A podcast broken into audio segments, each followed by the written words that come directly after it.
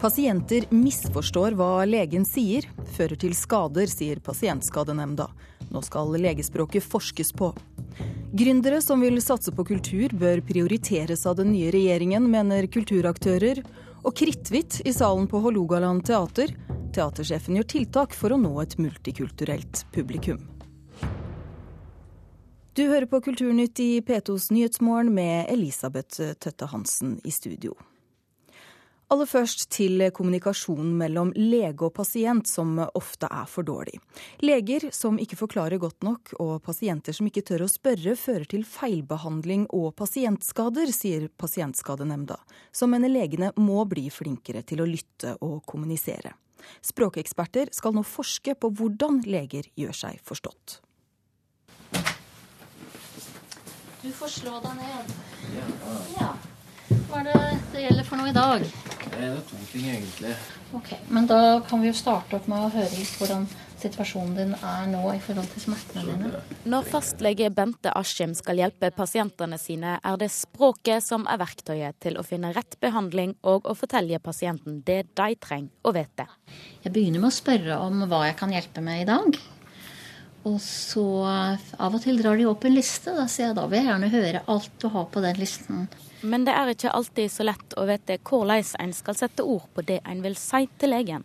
Eller å forstå hva legen faktisk mener. Så ser vi stadig vekk at det enten er misforståelser, eller at det er tilfeller hvor vi har grunn til å tro at det kan være problematisk sier professor i språklig kommunikasjon ved Universitetet i Oslo, Jan Svennevig.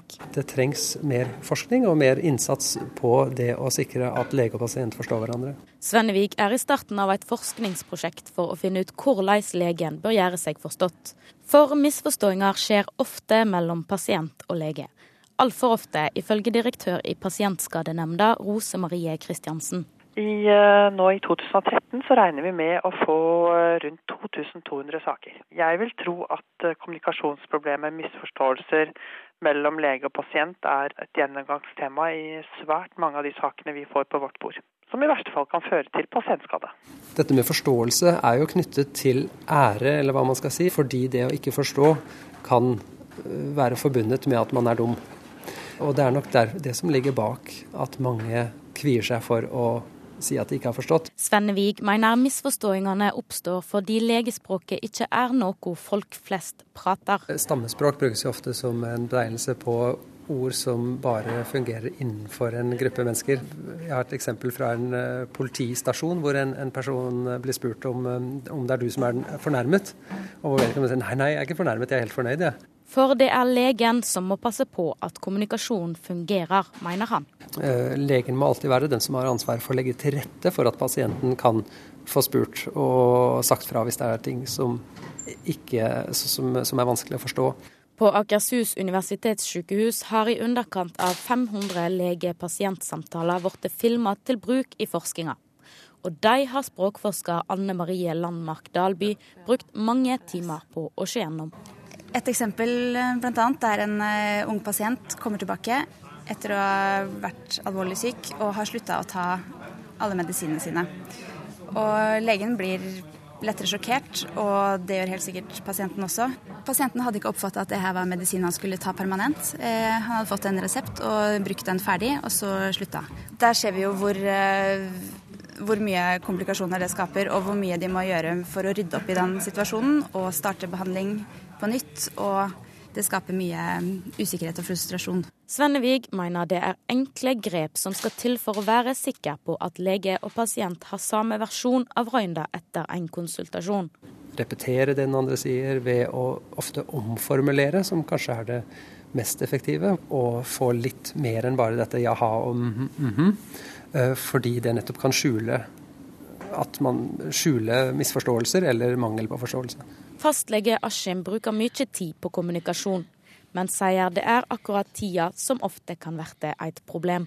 Vi har veldig lett for å hoppe til konklusjoner, så hvis vi gir pasienten akkurat nok tid til å fortelle historien sin, så får vi så mye informasjon.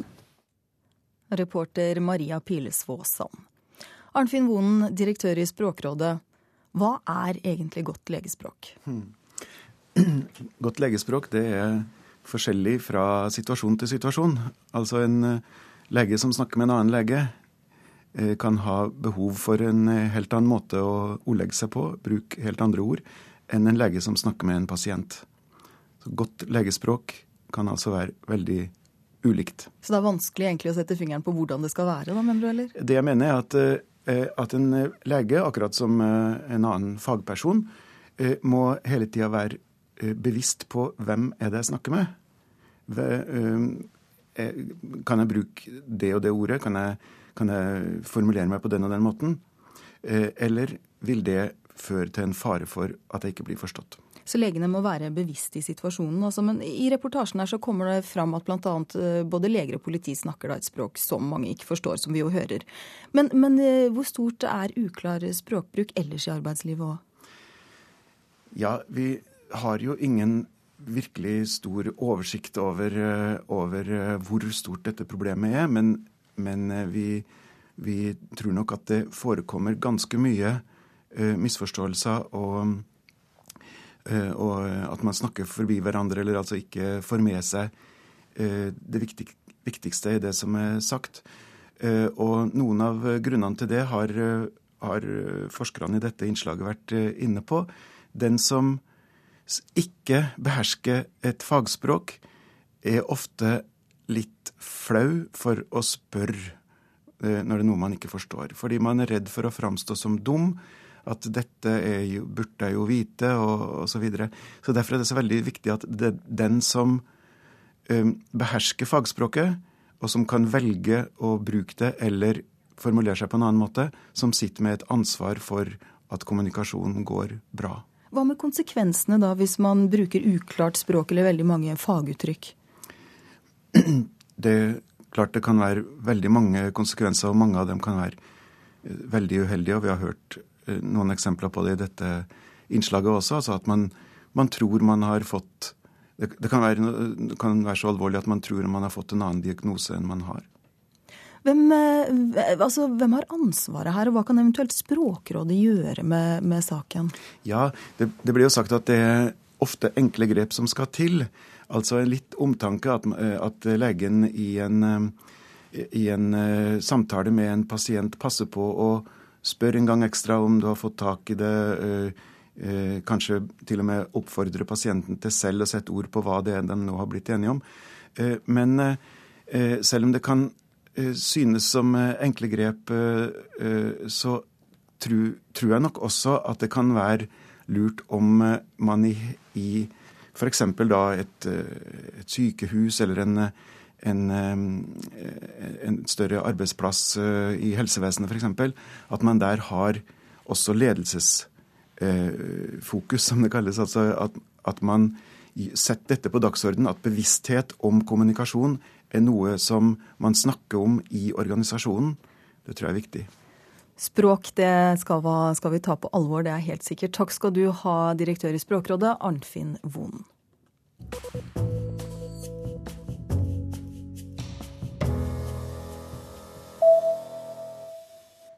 Forfatter Eleanor Catton vant den prestisjetunge Man Booker-prisen for eh, engelskspråklig litteratur i går kveld. 28 år gamle Catten er fra New Zealand og er den yngste som har vunnet prisen noen gang. Boken hennes, som handler om gullrushet på New Zealand i 1866, er et vidunderlig verk, sier juryens leder. Man Booker-prisen ble stiftet for 45 år siden og er ansett som en av de viktigste litteraturprisene i verden. Journalisten som publiserte avsløringene til Edward Snowden om USAs overvåkning, forlater nå avisen The Guardian. Glenn Greenwald skriver på bloggen sin at han har fått et tilbud han ikke kan avvise. Han nevner ikke hva tilbudet er, men kilder sier at mannen bak eBay skal starte et nytt medietiltak, og ønsker Greenwald med på laget. Og NRKs nye radiokanal P1 Pluss har fått med seg mange lyttere. I snitt av kanalen som startet opp 2.10, 185 000 lyttere daglig. Dette er sensasjonelt høye tall, spesielt siden kanalen ikke finnes på FM-nettet, sier radiosjef i NRK, Marius Lillelien.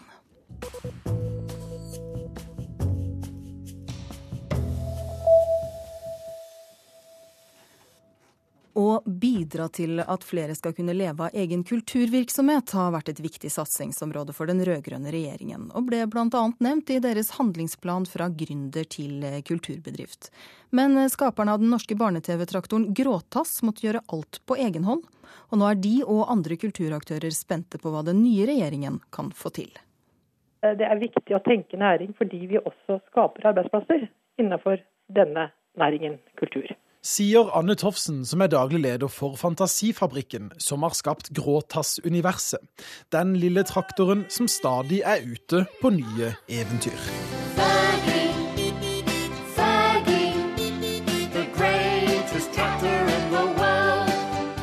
Produsentene bak barne-TV-traktoren, som i disse dager lanseres i London under navnet Fergie, opplevde at det var vanskelig å få hjelp og støtte i Norge når de ville lansere konseptet i utlandet. De luftet sin frustrasjon overfor Næringsdepartementet og fikk nye lovnader, men løftene førte ikke til noen ting. Det som var frustrerende, det er at du blir henvist til den ene, hvor du da henvender deg, så blir du henvist videre, og så blir du henvist rundt igjen tilbake. Så veien mellom eh, Næringsdepartement, Kulturdepartement, Innovasjon Norge, det blir en eneste runddans. Så vi er ikke noe klokere nå enn vi var når vi starta. How do you actually finance a venture på et seminar for motebransjen i Oslo fokuseres bl.a. på hvordan man skal kunne overleve økonomisk av egen virksomhet. Gisle Mardal er leder for Norwegian Fashion Institute, motebransjens samlede organ i Norge. Han har også savnet å bli tatt seriøst som næring. Ja, vi, vi ble ikke hørt helt. Vi ble ikke tatt på alvor helt det var fint at noen sysla med det vi holdt på med, og det var på en måte en del av en strategi som ble lagt fra det offentlige, at ja, vi må se mer på motenæringen. Men når det kom til stykket, så uh, viste det ikke gjennomføringskraft. Vi har savna rett og slett at bransjen blir sett på som en næringsbransje, men blir anerkjent at den er i et ungt stadie, og da skulle satses på mer. Uh, og dette her gjelder selvfølgelig med økonomiske midler. Mardal er nå spent på hva den nye regjeringen kan få til, som i sin plattform skriver at de i større grad skal vektlegge kultur som næring. Det skal bli spennende å se hva de tenker rundt kreative næringer. Anne Tofsen er også nysgjerrig på den nye regjeringen. Det er jo spennende å se om en eh, blå-blå regjering tør å tenke da eh, næring. Det vil jeg jo tro, men at de eh, samtidig beholder Eh, tanken om at det skal være en glede å skape. Jeg savner en klar og tydelig prioritering av eh, kulturnæringsaspektet ved kulturpolitikken. Sier Øyvind Stålseth, direktør i Arts and Business, som jobber med å bedre samspillet mellom kultur og næring. Han har derfor klare råd til hva den nye regjeringen bør gjøre for kulturnæringen. Planen om et kunnskapssenter for kulturnæring eh, håper jeg de følger opp. Det er et viktig tiltak og bør være et viktig tiltak også eh, sett i lys av programerklæringa fra den nye regjeringa. Prioriterer kulturnæringssatsing mye høyere. Eh, legger mer penger i det. Bruker næringslivs- og kultursamarbeid som et utgangspunkt for å skape en sterkere dynamikk i kulturnæringsutviklinga i Norge. Kulturdepartementet kunne ikke kommentere saken. Reporter var Christian Ingebretsen.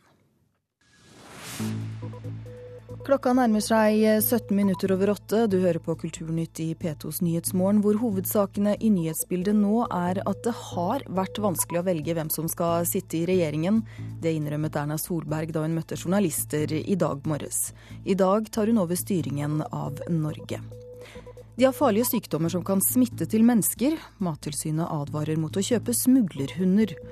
Og i Italia er, til krigsforbryteren og nazisten, er begravelsen til krigsforbryteren og nazisten Erich Pripke utsatt. Opprørspolitiet måtte bruke tåregass for å hindre voldelige sammenstøt. Og følg med videre i Kulturnytt, hvor du også skal få høre at rockere i Stavanger ble lei av å vente på kommunen, og nå bygger de rekordbillig øvingslokale på dugnad. Hålogaland teater ønsker seg et mer multikulturelt publikum.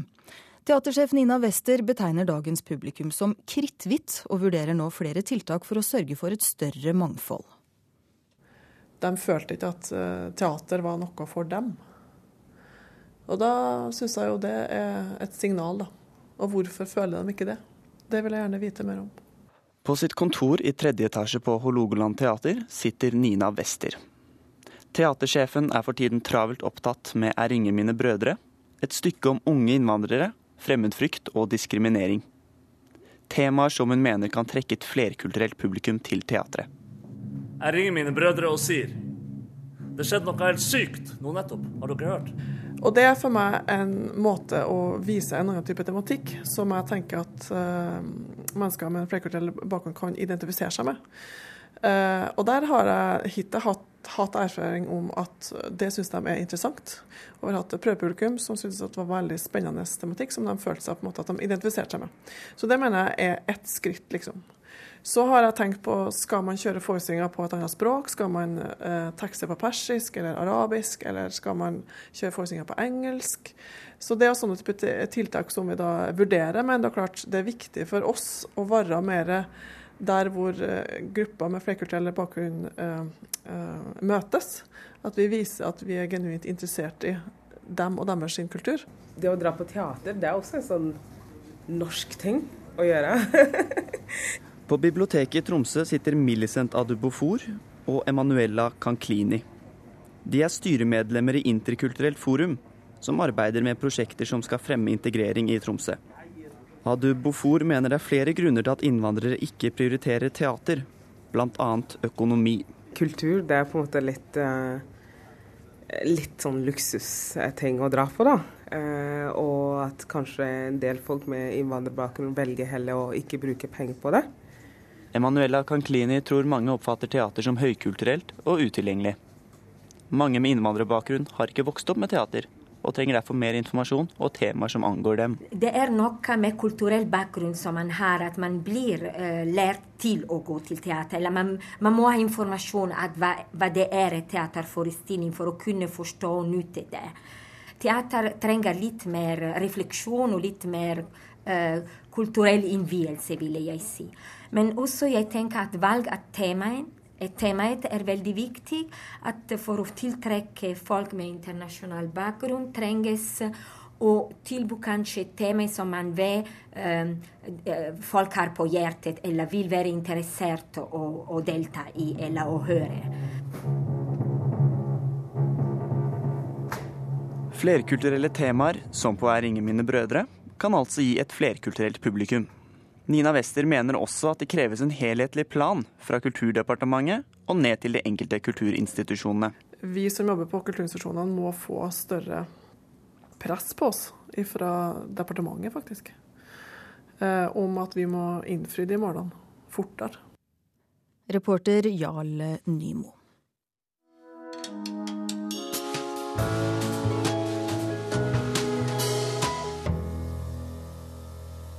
Nicolai Frobenius er en allsidig forfatter. Bak den lystige filmen 'Sønner av Norge' skjulte det seg en Frobenius-roman, men han står også bak vesentlig mørkere historier, som Latours katalog og 'Jeg skal vise dere frykten'. Årets roman har fått tittelen 'Mørke grener', så da er vi sannsynligvis tilbake i det mer tunge landskapet, mener vår anmelder Marta Norheim. Allerede på de første sidene ligger frampeik om at dette kan bli stygt. Anonyme brev, barbiedokker med avkappa hode og døde ekorn på trappa er klare signal på at noen der ute ikke vil Jo Uddermann vel. Forfatteren Uddermann har nettopp gitt ut en sjølbiografisk roman om noen dramatiske hendinger i ungdomstida. Han har drevet research og er opptatt av å skildre så nøyaktig som mulig det som hadde hendt. Vi lever i den sjølbiografiske tidsalder, og Frobenius har sjøl fuska i den sjangeren, rett nok med klare meldinger om at han slett ikke skildrer fortida akkurat slik hun var. Når den oppdikta forfatteren Uddermann havner i trøbbel, knyter den virkelige forfatteren Frobenius sammen to sider fra tidligere bøker, nemlig det uhyggelige og problema ved den sjølbiografiske litteraturen. Slik aktiverer romanen både tanken og det mer reptile angstsenteret i hodet på leseren. Få opererer mer smidig i dette spennet enn Frobenius, og jeg kan like godt si det med en gang. Mørke grener held høgden hele veien fram til den overraskende slutten. Hvis all litteratur forandrer seg til selvbiografier, vil litteraturen opphøre å eksistere og bli forvandlet til en kloakk av betroelser, let Frobenius Uddermann sitere fra en chilensk forfatter. Men eh, da er vi langt ute mot slutten av romanen, og før det har stakkars Uddermann fått kjært seg skikkelig. Fortida slår nemlig grusomt tilbake, både med førnevnte spikk av typen døde ekorn på trappa, men også på mer intrikat vis gjennom å okkupere livet hans innanfra. Den sanningssøkende forfatteren vikler seg stadig lenger inn i private løgner. Verken ord eller handlinger let seg kontrollere av den klare tanken og viljens kontroll, og når det virkelig strammer seg til rundt han, legger han skylda på en person ingen andre enn han sjøl tror eksisterer. Store svelg åpner seg mellom det han opplever som realiteter, og det andre rundt han finner det naturlig å tro på. Vi er inne i den amerikanske forfatteren Edgar Allan Poes dystre sirkel av mørke krefter og kaldblodig, utspekulert, destruktiv djevelskap. Det er freistende å gå lenger inn i denne sirkelen, og dessuten å dvele ved påstandene om at eh, det sjølbiografiske gjør litteraturen om til drit. Men jeg let gotiske effekter og akademiske utlegginger ligge, og let heller Uddermann få avslutte, med ei innsikt som ikke bare gjelder naive sjølbiografer. Skremmende hvor lett en tilsynelatende harmonisk og elskverdig mann blir forvandlet til et svikefullt og egoistisk monster. Ja, det var vår anmelder Marta Norheim som snakket om romanen 'Mørke grener' av Nicolai Frobenius. Band og musikere må ha øvingsrom, men stadig flere presses ut pga. skyhøye leiepriser. I Stavanger ble rockerne så lei av å vente på kommunens løsninger at de satte i gang på egen hånd, og nå bygger de på dugnad, og det blir rekordbillig.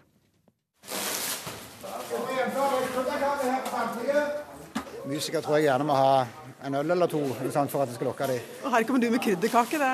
Eh, ingen vil ha.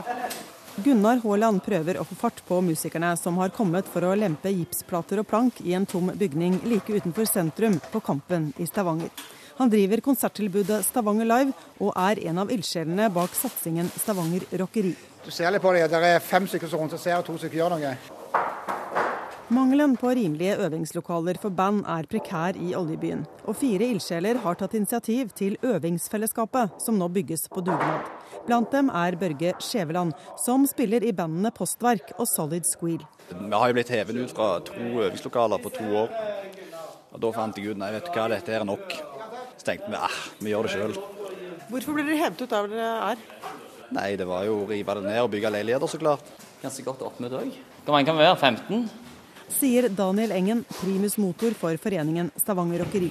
Til tross for at de bare har fått inn 2,2 millioner kroner i offentlig støtte, kan huset åpne før jul med 15 lydisolerte øvingsrom fordelt på tre etasjer. Det er klart Folk, folk trør til når det, når det må. Hvor avhengig er dere av å ha denne dugnaden? 100% avhengig. Og de som er med nå, de får litt belønning, eller? Ja, de står jo da først i køen for å få ønskelokaler. Så da teller vi jo timer. det unike er jo den store graden av dugnadsinnsats. Det sier Rihannon Hovden Edwards. Hun er daglig leder i Musikkutstyrsordningen, som hvert år deler ut nær 30 millioner kroner til teknisk utstyr, akustikk og lokaler rundt om i landet. Som en tommelfingerregel, når kommuner bygger nytt, så har de et budsjett på i overkant av en million per rom. Her bygger de altså 15 rom med et tilskudd på 600 000 fra Stavanger kommune og 1,6 millioner fra oss. Så det sier seg selv at her får de mye for pengene. Eh, og det klarer de fordi de gjør en stor grad av egeninnsats og har gode avtaler med leverandører. Er det mange slike øvingsfellesskap rundt omkring i landet? Det er noen, men det er jo absolutt ikke nok. Det er et enormt press på lokaler i alle de store byene. Og så er det stor mangel på egnede lokaler i distriktene. Eh, I denne søknadsrunden her så har vi fått søknader om bygging av 51 rom. Det viser at behovet er veldig stort.